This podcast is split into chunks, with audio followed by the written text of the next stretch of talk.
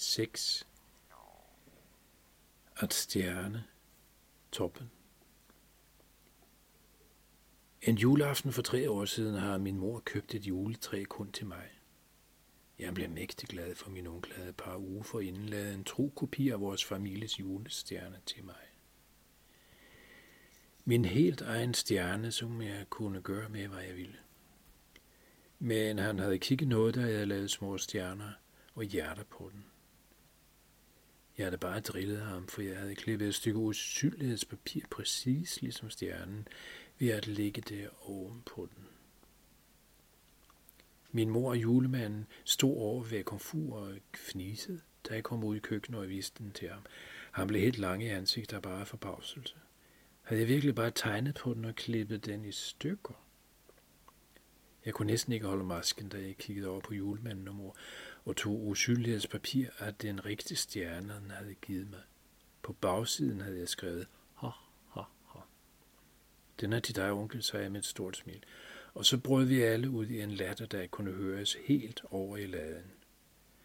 Han gav mig et kæmpe knus og viskede til mig. Jeg troede et øjeblik, at du slet ikke forstod julen. Der tog du godt nok fusen på mig. Du bliver en rigtig god nisse, sagde han og gav mig et ekstra klem. Senere samme aften stod jeg over, hvad, hvordan jeg skulle komme et tip over mit juletræ, før de andre kom ind i stuen. Det skulle være en overraskelse, hvordan mit træ så ud.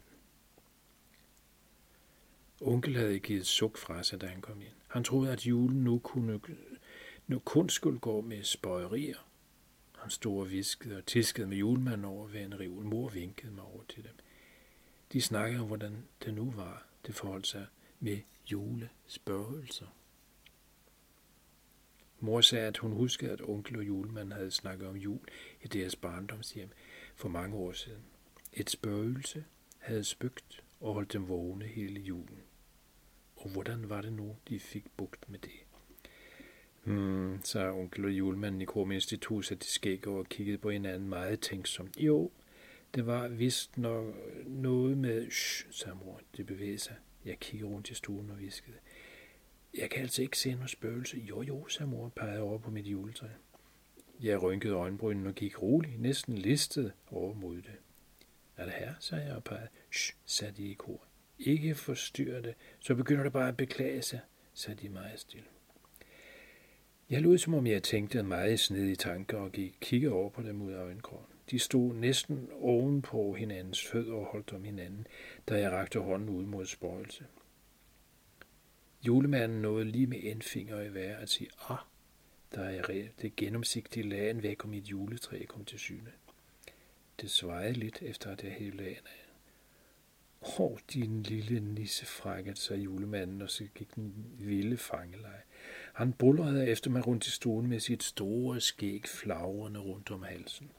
Rundt og rundt i stuen, og ind i den næste stue og ud i køkkenet. Da han endelig fangede mig, havde jeg fnisende gemt mig under dynen på mit værelse. Onkel tog hatten af, da vi kom ind i stuen igen. Vi havde familiejulestjernen med, og gik alle sammen over til det store juletræ. Jeg fik lov til at sætte familiens julestjerne på, julestjerne på, på, på toppen af træet, før vi gik til bordet og snakkede om pynten på mit træ.